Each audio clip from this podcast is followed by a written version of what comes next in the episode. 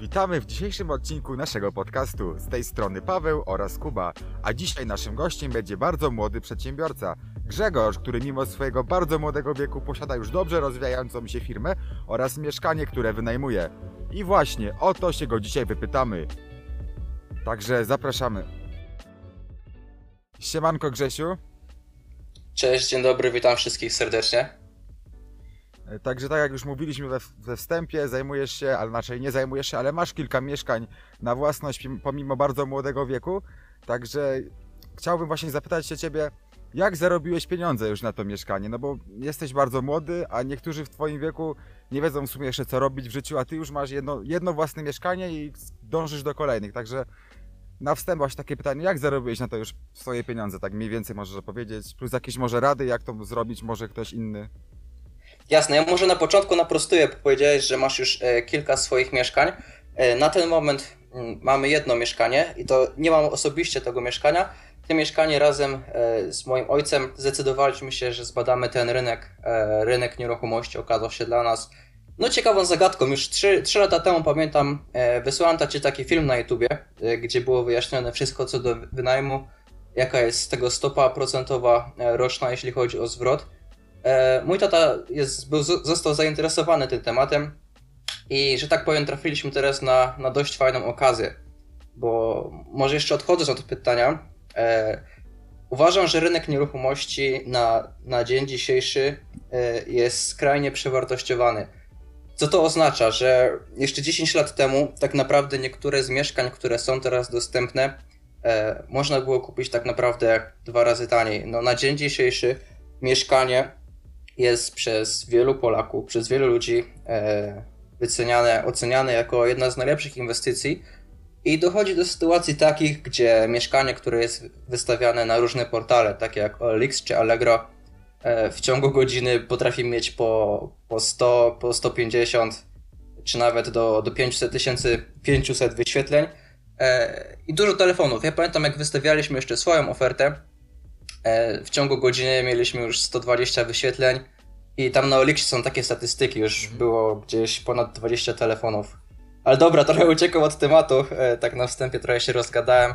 E, pytanie było, jak udało się zarobić na pierwsze mieszkanie? E, to może nie wiem, czy na wstępie przedstawiałeś, ja od 8 miesięcy prowadzę swoją e, działalność. Na początku była to stricte agencja marketingowa. E, w tym momencie troszeczkę się rozwinęliśmy, bo i tworzymy ludziom strony, i właśnie dbamy o marketing, oraz od pewnego czasu bardziej też stawiamy na handel i wprowadzanie nowych innowacji na e, polski rynek. Stąd też na pewno uzbierały się jakieś oszczędności i też e, większościowym udziałowcem oczywiście w tym mieszkaniu jest mój tato, który też odkładał sobie od jakiegoś czasu pieniądze i pierwsze mieszkanie zostało kupione stricte gotówką, nie było wspomagane żadnym kredytem. Mhm. Czyli w takim razie mówisz, że bardzo ważnym krokiem jest założenie własnej działalności, bo to z tego są głównie przychody. E, jeśli chodzi o własną działalność, jest to na pewno fajna rzecz. Z tym, że trzeba mieć na pewno pomysł na taką działalność i trzeba wprowadzać coś innowacyjnego. Trzeba przede wszystkim znaleźć, czego brakuje w społeczeństwie, co jest ludziom potrzebne i co można im dać, bo kiedy zostanie im przedstawione e, coś, co mogą użyć, coś, czego nie ma i co mogą zdobyć u ciebie, klienci są z tego zadowoleni, wtedy można no, naprawdę fajnie zarobić. E, Ja pierwsze miesiące swojej firmy oceniam jako bardzo miłe zaskoczenie, bardzo fajnie wszystko działało. E, I tak, działalność gospodarcza jest fajną opcją na zarobek. Oczywiście są też inne opcje, czy też na przykład fajna praca na etacie, gdzie można sobie oszczędzać. Ale no na pewno działalność jest jedną z fajniejszych i szybszych dróg, jeśli ma się fajny pomysł na biznes. Mhm. E, dobra, a powiedz mi, tam powiedziałeś, że to mieszkanie, a ty kupiłeś je już wyremontowane, czy to razem z tatą je dopiero remontowałeś? I to jest właśnie ciekawe, ciekawe, ciekawa historia, jak to wszystko wyglądało. E, mieszkanie. Może powiem, dlaczego je kupiliśmy przede wszystkim. W tym momencie nie kupiłbym mieszkania mm, na rynku nieruchomości, gdzie mieszkania są za 200 tysięcy czy za 300 tysięcy. Nam to mieszkanko udało się dostać w bardzo fajnej ofercie, ponieważ e, wiedzieliśmy od początku, że osoba, która, która je sprzedaje, no zależy jej na czasie, e, chce, chce po prostu spieniężyć swo- swoje mieszkanie i też zgłosiliśmy się, że z chęcią takie mieszkanie możemy e, odkupić. Może zaraz też powiem e, o strategii, jaką z ojcem mamy co do wynajmowania, co do zakupu mieszkań, bo też uważam, że jest ciekawa, jest też stricte inspirowana e, książką Roberta Kiyosakiego Bogaty ojciec, biedny ojciec, gdzie było o tym wspominane. Ale to może w późniejszych pytaniach do tego dojdziemy. Nie no właśnie o tej strategii ja, ja osobiście nie miałem zaplanowanego pytania, więc jakbyś chciał już o tym po- opowiedzieć, to według mnie dawaj, bo super, super sprawa z tym. To jestem bardzo ciekawy. Dobra. Okej, e, może powiem e, o tej strategii właśnie, tak jak miałem powiedzieć. E, obserwujemy rynek. Mamy dość fajną miejscowość, w której e, tak naprawdę 3 lata temu nie było nic. Była to taka dziura zabita de, deskami, no takie, czy miasto widmo. No miasto widmo tego nie nazwę, bo oczywiście jest tam dość sporo mieszkańców, ale nie, był, nie była to korzystna lokalizacja. W tej miejscowości e, kilka lat temu dość mocny przedsiębiorca mm, wybudował tartak. Wybudował tartak, który jeśli się nie mylę, może to być błąd, ale zatrudnia mniej więcej od około tysiąc osób, tak mi się wydaje, że tam na trzy zmiany może pracować. Oczywiście te osoby rotacyjnie e, się zmieniają.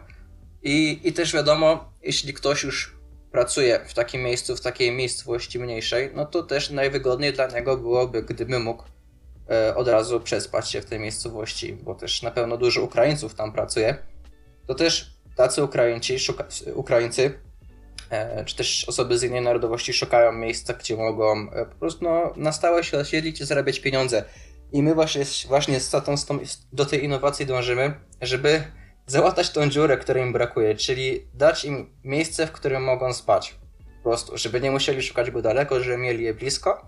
I w tym momencie nawet taki, e, taka osoba, która jest zainteresowana takim mieszkaniem, może e, nawet zapłacić nieco więcej, ale dla niej jest to korzystniejsze, ponieważ no, na przykład nie musi wydawać e, na dojazd czy na paliwo do samochodu, gdyby miał dojeżdżać z jakichś miejscowości e, bardziej oddalonych. Mhm. Tak, według Tak, mnie coś w super... Su, no, no, no dokończ dokończ. Dobra, jeszcze chciałem powiedzieć o tej strategii, bo na razie powiedziałem o lokalizacji, dlaczego jest według nas e, bardzo dobra. Jeśli chodzi o strategię, obserwujemy rynek, patrzymy na OLX-a, co ciekawego się pojawia e, właśnie stricte pod tą miejscowość. Widzimy, że jest kilka ofert i śledzimy je, bo wiadomo, każdy, kto wystawia swoje oferty mieszkaniowe, e, wystawia pierwszą aukcję, no nie oszukujmy się, jeśli oczywiście nie zależy na czasie, z wartością mniej więcej 120-130%, czyli e, mieszkanie jest bardzo mocno przes- przeszac- przeszacowane. Z myślą o tym, że właśnie komuś może, może zależeć na czasie, że ktoś bardzo szybko chce kupić. Obserwujemy to, patrzymy jak mieszkania spadają z ceny. Jeśli już załóżmy dojdzie do ceny tego mieszkania takiej 100%, czyli no faktycznie tyle ile jest warte, umawiamy się na takie spotkania, czy to z osobą, która sprzedaje, czy to z pośrednikiem robimy wstępne, e, wstępne oględziny mieszkania oraz no po prostu podajemy swoją cenę maksymalną, którą jesteśmy w stanie dać. E, wiadomo, sprzedawca nie zgodzi się od razu, bo zależy mu też, żeby zrobić jak najwięcej. Ale jeśli po pewnym czasie, po miesiącu czy po dwóch, taka osoba, która sprzedaje te mieszkania, zobaczy, że kurczę, no nie ma jednak tyle chętnych, mieszkanie trzeba płacić czynsz, trzeba płacić e, wszystkie opłaty śmieciowe e, za wywozy komunalne i cały czas generuje koszty, to może rzeczywiście warto by było sprzedać je w szybkim tempie i skorzystać z oferty, którą, którą my dajemy, czyli ta niższa kwota i po prostu być już po temacie, mieć pieniądze i móc je lokować, e, lokować ten kapitał w jakieś inne inwestycje, czy też rzeczy inne materialne.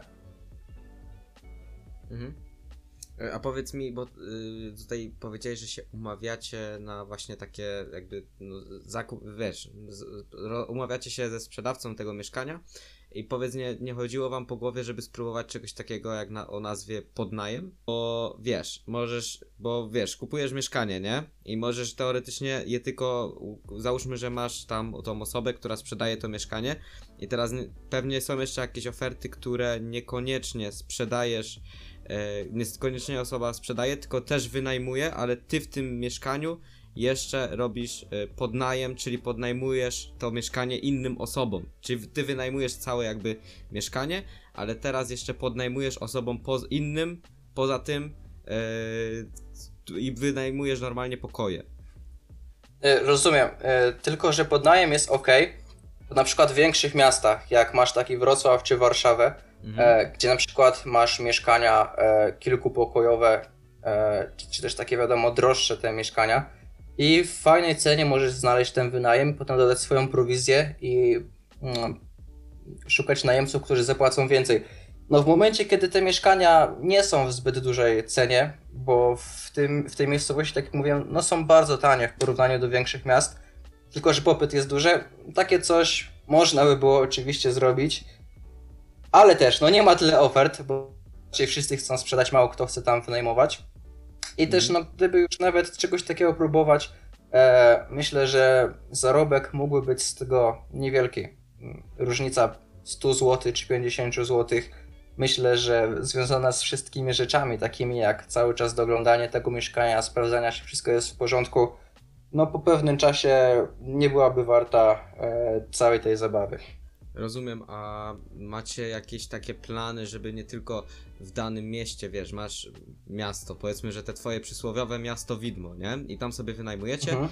i powiedzmy, że tylko w tym y, mieście y, kupujecie mieszkania, czy jednak będziecie w przyszłości planować y, to, żeby to było w różnych miastach, czyli powiedzmy, że masz jakieś kilka mieszkań, przysłowiowo tylko, tak mm, przykładowo daję.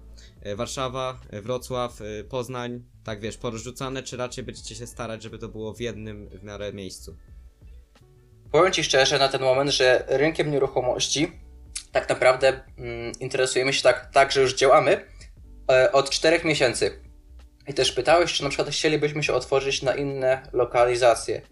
Jeśli trafiłaby się naprawdę fajna okazja, e, to jak najbardziej, jeśli mieszkanie byłoby wyceniane w dużo tańszej kwocie, aniżeli my byśmy je wizualnie oceniali, to dlaczego by nie skorzystać? E, Jednak na ten moment ja też jestem osobą, która nie lubi inwestować e, całego swojego kapitału, że tak powiem, w jedno źródło. Lubię go dywersyfikować, mieć podzielony procent zysków, e, czy to w kryptowalutach, czy to w Forexie, czy to duża część we własnej firmie. Też nie chciałbym, e, że tak powiem, no, na jedną kartę, ale wraz z rozwojem lat, no kto zobaczy, może okazać się, że nieruchomości były strzałem w dziesiątkę i większą część procentową kapitału jednak warto przeznaczać na rynek nieruchomości. Mhm. A na ten moment, w Twojej opinii, e, lepsza jest inwestycja w nieruchomości czy w giełdę? Jakbyś już, wiesz, masz, stajesz przed dylematem, musisz lokować kapitał tylko w jedno, jedną rzecz, jakby jedno znika całkowicie. Co, co w Twojej opinii byłoby na ten moment, na jakieś tam masz doświadczenie, e, wolałbyś to lokować już ty, tylko w giełdę czy tylko w nieruchomości? Jeśli miałbym te dwie opcje tylko do wyboru, tak? E, tak, tak, tak. I wybierasz to albo to i, i koniec. Dobra, e, gdybyśmy mówili o dniu dzisiejszym, na pewno wybrałbym giełdę, dlatego że giełda teraz, indeksy giełdowe są bardzo nisko.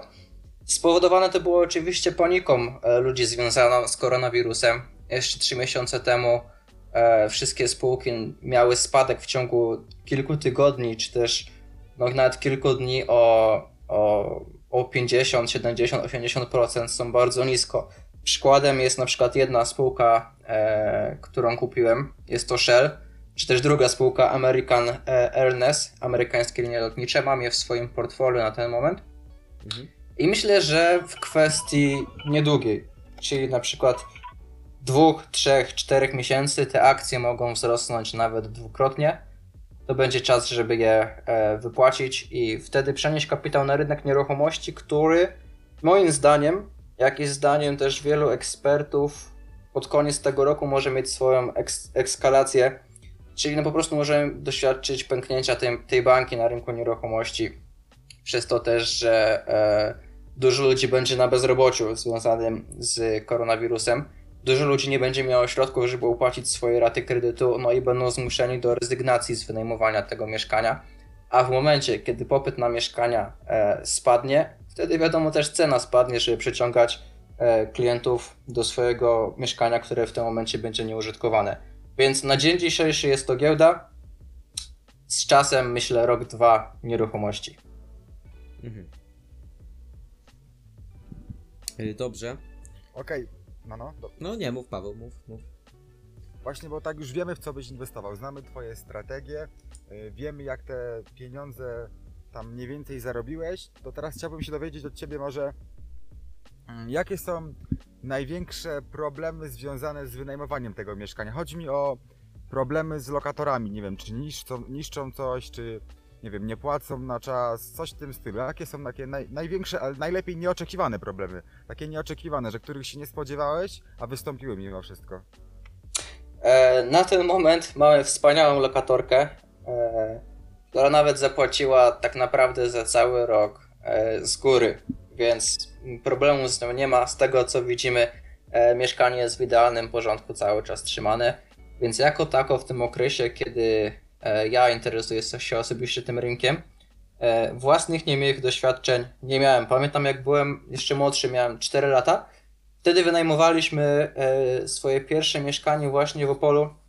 Był problem z najemcami, oczywiście, że nie płacili czynszu, a też no prawo jest takie, że bardzo chroni najemców, że nawet w momencie, kiedy nie płacą dłuższy okres, nie można ich, że tak powiem, eksmitować z mieszkania. Dlatego teraz bardzo ważne jest to, jak my podpisujemy umowę z tym najemcą, żeby dać sobie też opcję, że tak naprawdę w ciągu miesiąca, e, jeśli ktoś nie płaci czynszu, możemy się z nim pożegnać. Większość umów takich standardowych jest bardzo chroniąca, jeśli chodzi właśnie o najemcę.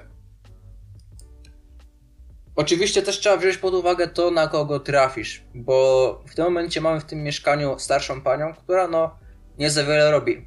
Oczywiście mogliśmy też trafić na mm, lokatorów mniej odpowiedzialnych, którzy powodowaliby no, straty mogłoby dojść do sytuacji, gdzie na przykład e, trafilibyśmy na, na hołotę, która mogłaby ubrudzić ściany czymś, czy sufit, czy na przykład zniszczyć wyposażenie mieszkania, e, no takie jak telewizor czy czajniki, które też my oczywiście zawsze zapewniamy naszym najemcom, dbając o ich jak największy komfort. No i wiadomo, generuje to potem niepotrzebne straty, z których też można oczywiście się sądzić z najemcami, ale no wiadomo, jest to czasochłonne. Czasami, kiedy generują straty na poziomie tam 1000 czy 2 zł, więcej czasu i pieniędzy wyjdzie na rozprawę sądową z takim najemcą, aniżeli na potem naprawienie ewentualnych strat i kosztów. Dobra, Właśnie dlatego, powie- dlatego, no. Dlatego też to pytanie zadałem, bo dużo osób, które chciałoby wynajmować mieszkania, nie zdają sobie sprawy, że jeszcze oprócz tych wszystkich takich zaplanowanych wydatków, jeszcze takie się mogą zdarzyć. Według mnie to też jest bardzo ważne w tym wszystkim. Wiesz co, no jeszcze jest sytuacja, że na przykład psują się takie rzeczy codziennego użytku, do czego nie można mieć pretensji. Na przykład wypali się żarówka, a lokator nie wie jak to naprawić. Z jakiegoś powodu nie ma prądu, lokator też nie, ma, nie wie jak to naprawić i tak naprawdę no rozwiązanie tego problemu powinno być po stronie osoby, która e, te mieszkanie udostępnia. Bo jakby nie patrzeć, to cały czas jest jej mieszkanie, e, ona w aktach notarialnych, o- w aktach notarialnych to mieszkanie ma zapisane, i tylko świadczy usługę wynajęcia tego mieszkania, więc o, o standard musi dbać osoba powinna. W, w moim mniemaniu, oczywiście można to róż, różnie interpretować, można się też z najemcą kłócić, ale myślę, że do tej ceny, mm, bo niektórzy mówią, nieruchomości mają stopę zwrotu na mniej więcej poziomie 6-8%.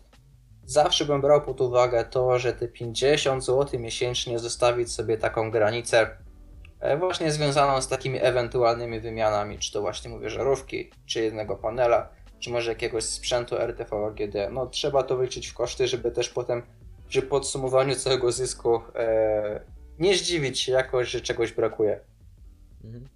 A powiedz mi tutaj właśnie, tam wspominałeś wcześniej o tym, o tych umowach, że zależy jakie podpisujesz. E, To powiedz mi, masz jak, macie jakiś taki sztywny, sztywny schemat tej umowy, czy to jest jakiś taki, wiesz, ym, że tak to ujmę, ta umowa jest tylko taka umowna i tam po prostu powinno być zawarte określone punkty, ale obojętnie jak ułożone? Czy jest to sztywny wzór?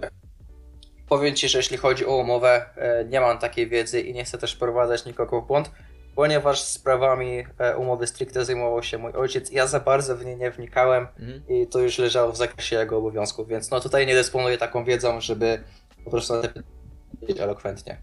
Dobra, dzięki. Yy, A ja bym się chciał dowiedzieć jeszcze do tego, co przed chwilą mówiłeś. e, w sprawie właśnie na przykład telewizora. Jakby masz tą klientkę, która zapłaciła ci tam za jakiś okres, za jakiś okres z góry, jakby e, ona rozwaliła na przykład telewizor właśnie, to w tej sytuacji myślisz, że ona by po prostu sama odkupiła, czy to byłoby w twoim zakresie od ten telewizor nowy, tak jakby do niej sprowadzić?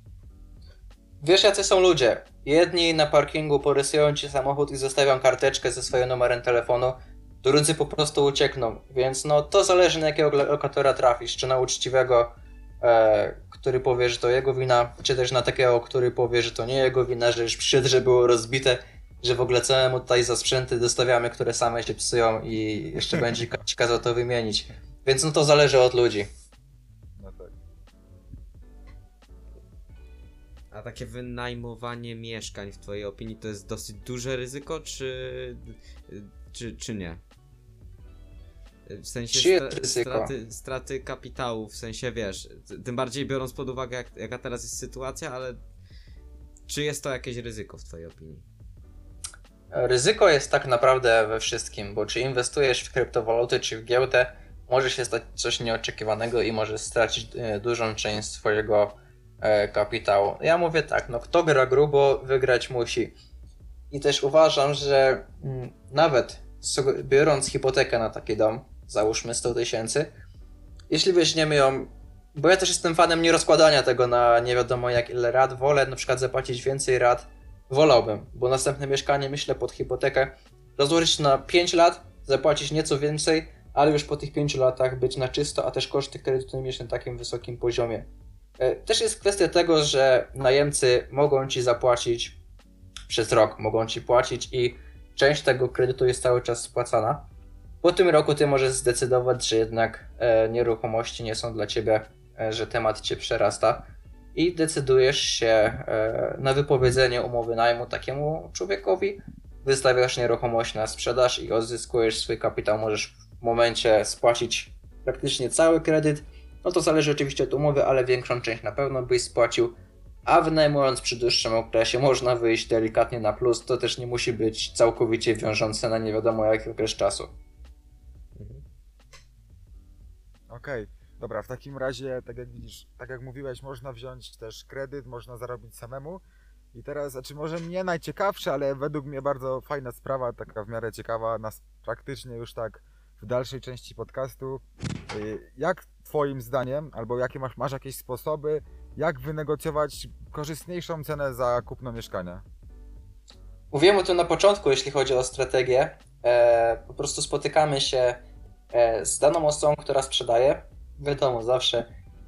No, wchodząc do mieszkania, nie pokazujesz e, swojego zadowolenia czy też niezadowolenia. Wiadomo, jest to gra emocji, e, tak zwany poker face. Robisz dogłębną analizę wszystkiego, co w takim mieszkaniu się znajduje. Pytasz o cenę, załóżmy, ktoś ci mówi 100 tysięcy. Wtedy, bo wiadomo, każdy na początku woli nawet sprzedawca woli tą cenę zawyżyć z myślą, że i tak będziesz negocjował. Jeśli mówi za 100 tysięcy, ty mówisz, że dajesz 60, 70. Jest to dużo niżej niż twój, twoja osoba, która chciała ci sprzedać, ale też statystycznie, nawet jeśli obejrzałbyś 100 takich mieszkań i twój, tw- osoba os- usłyszałaby od ciebie taką stawkę, którą mi podajesz, na 100 mieszkań na pewno ktoś się zgodzi, i w tym momencie tak naprawdę możesz zyskać mieszkanie za bezcen, bo nigdy nie wiesz, jaka jest sytuacja po drugiej stronie.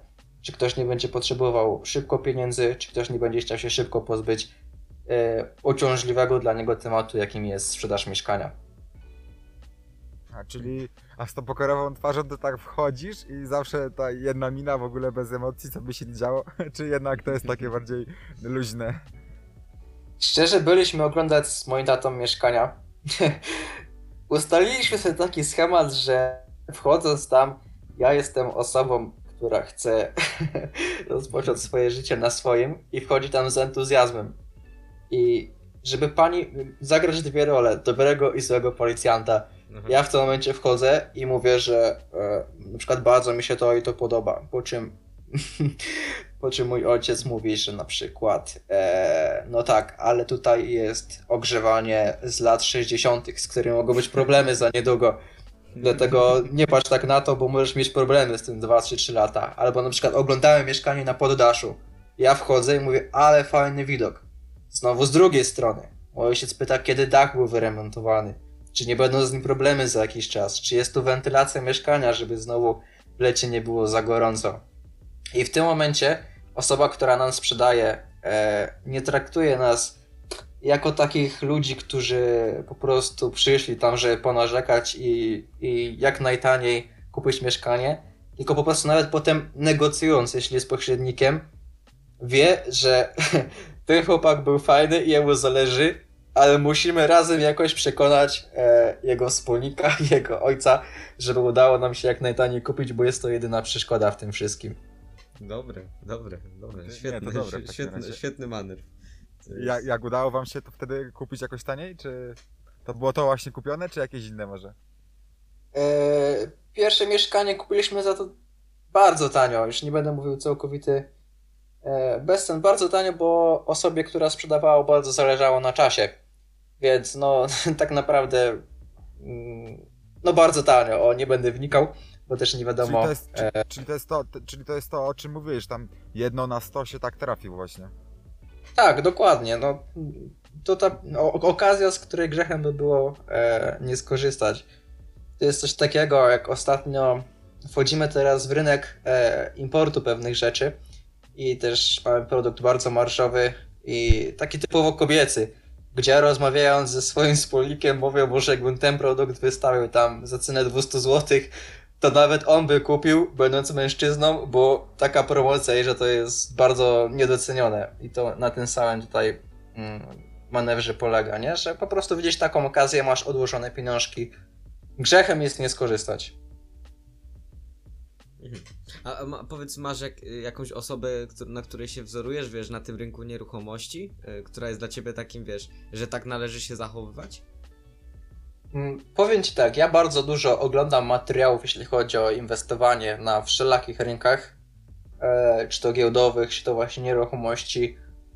E, inne rynki trochę mniej na ten moment, ale te dwa rynki mnie właśnie najbardziej interesują. I lubię oglądać Tradera 21, bardzo ładnie, merytorycznie się wypowiada na różne tematy. E, Jakuba Midela lubię oglądać, to jest właśnie specjalista, typowo prowadzi swój biznes, jeśli chodzi o nieruchomości. I w kwestiach, znaczy nie, mm, pana Sławomira Mencena też bardzo lubię, jak też tam nieco zahacza, zahacza o nieruchomości, ale też o inne tematy. I te trzy osobowości bardzo bym mógł polecić, jeśli ktoś jest zainteresowany właśnie inwestycjami i rozwojem w tych tematach. A z ciekawości zapytam o te, bo teraz y, Trader21 po, y, bodajże książki wydał, nie? Tak, Jakieś. y, tom sześciu książek. Tak, tak, tak. I, i zakupiłeś?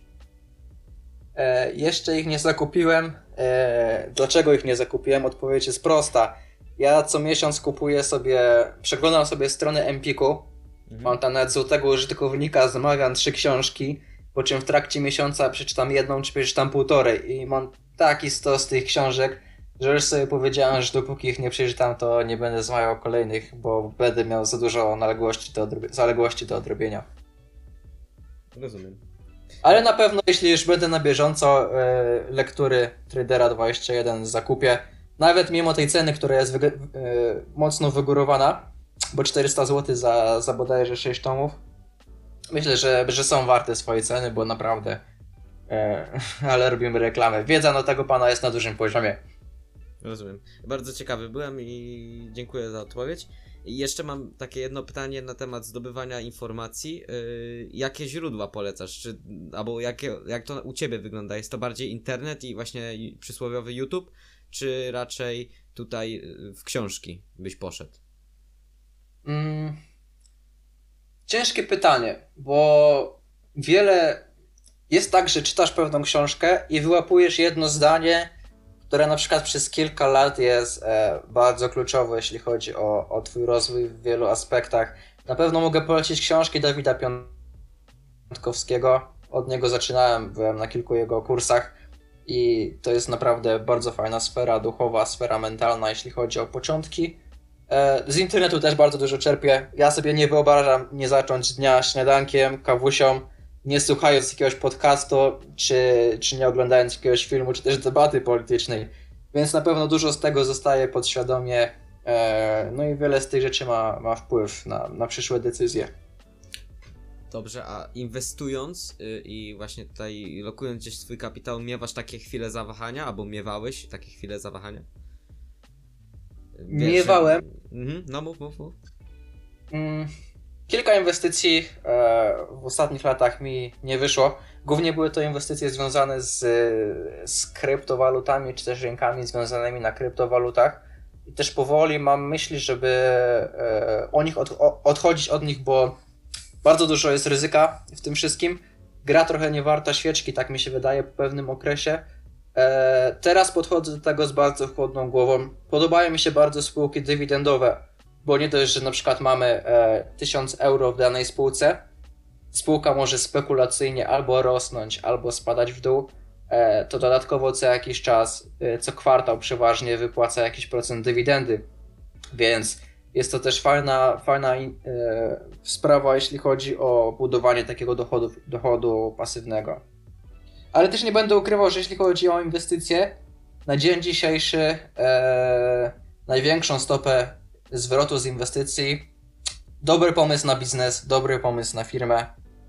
E, I to polecam każdemu, żeby tak naprawdę poszukał w sobie motywacji, znalazł, e, miał otwartą głowę i znalazł coś, czego brakuje w społeczeństwie, albo coś, co można zrobić lepiej, albo coś, co mniejszymi kosztami można dać komuś taniej. I wydaje mi się, że to jest najlepsza inwestycja w tym momencie. Ale też najtrudniejsza, nie ma co oszukiwać. Bardzo super tutaj teraz powiedziałeś, że taki właśnie dla takiej osoby, która jest zainteresowana właśnie w taką tak zwaną zabawę, w to wszystko. Y, I powiedz mi, jakiś, masz jakiś taki jeden największy błąd, y, bo tam mówiłeś, że popełniłeś kilka głupich inwestycji. Y, Masz taką jedną, która na pewno zostanie w twojej pamięci do końca życia? Taki jeden błąd największy. Mam, tylko do końca nie wiem, czy to jest błąd, bo mm, na początku właśnie swojej historii z inwestowaniem e, byłem zainteresowany takimi programami związanymi, pewnie kojarzycie, że kupuje się, kupowało się paczki reklamowe. I te paczki dawały niebywałą stopę zwrotu.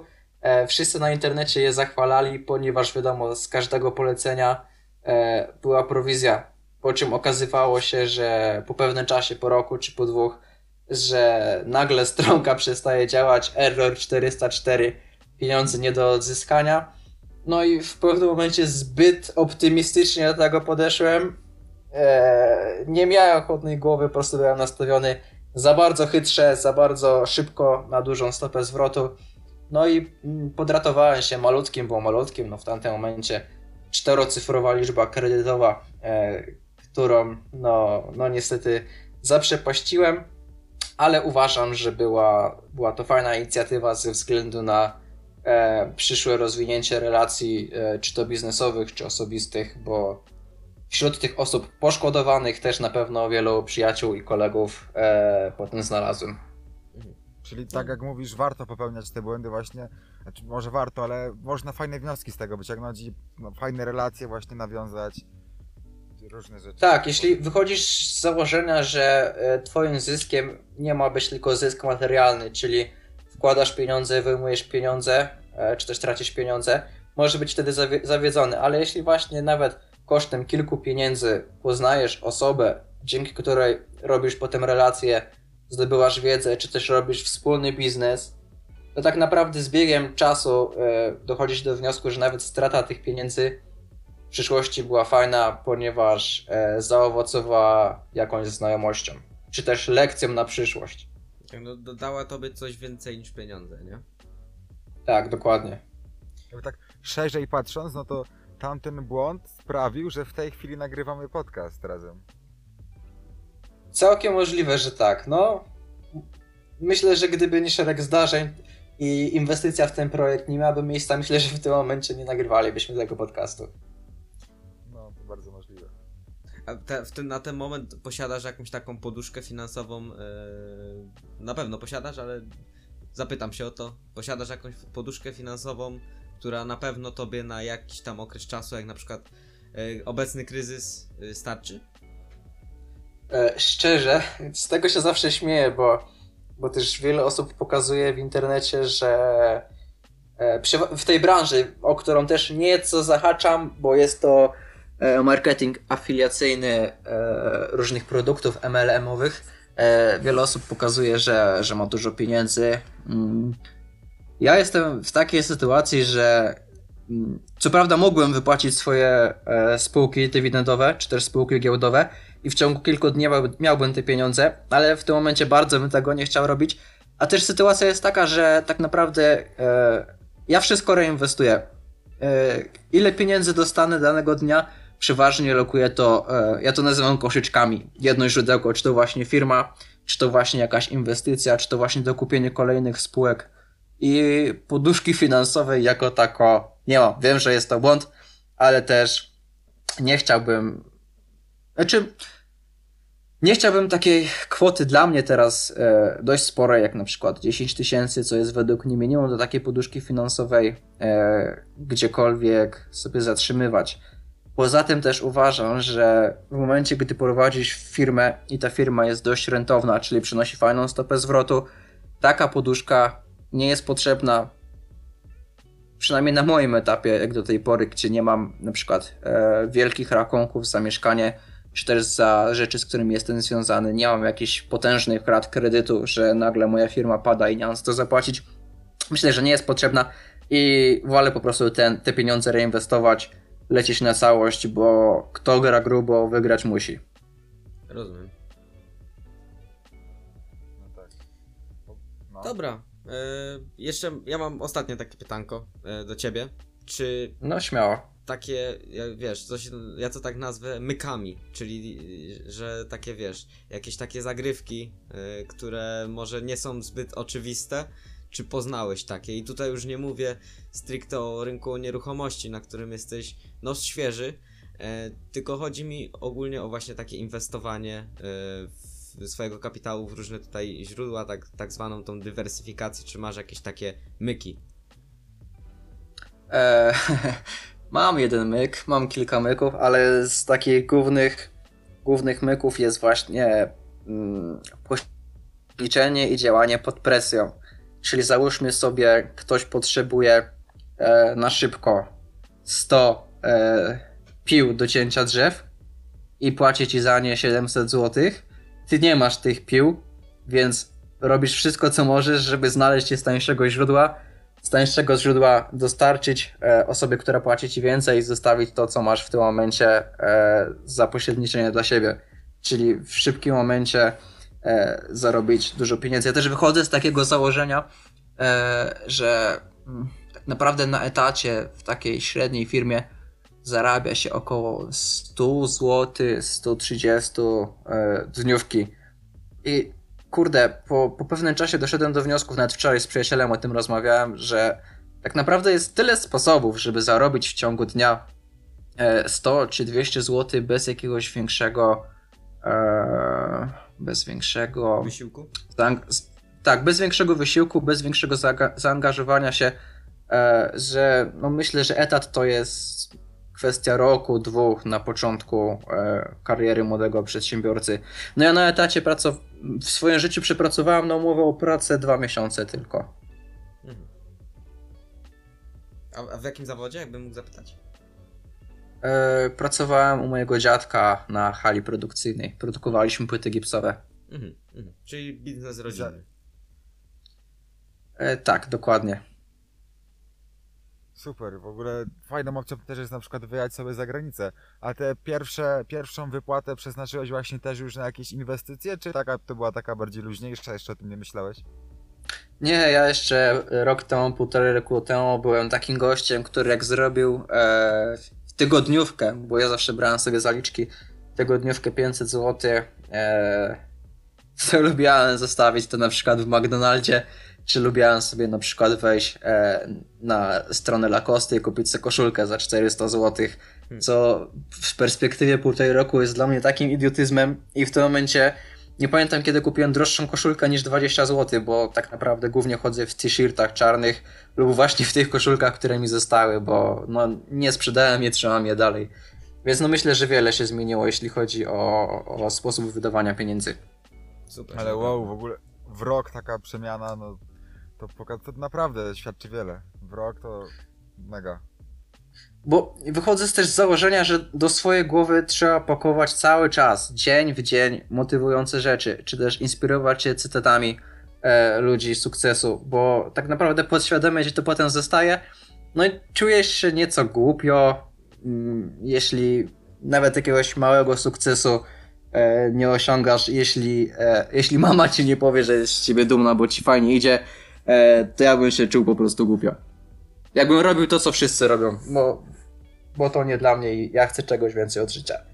A masz jakichś swoich ulubionych takich właśnie motywatorów, liderów, takich ludzi sukcesu, jakichś swoich ulubionych masz?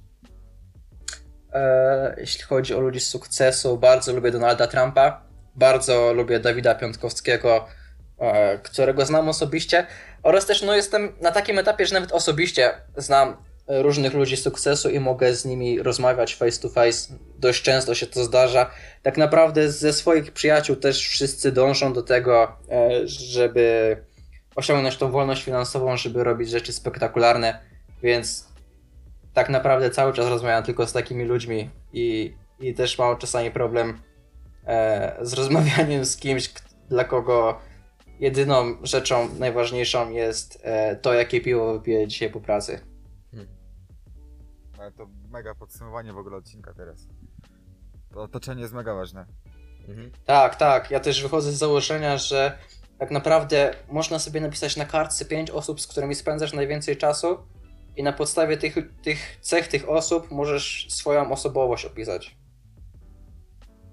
Że gdybyś ty pokazał mi pięciu swoich znajomych, których ja znam, e, a nie znając ciebie mogę powiedzieć, kim ty jesteś.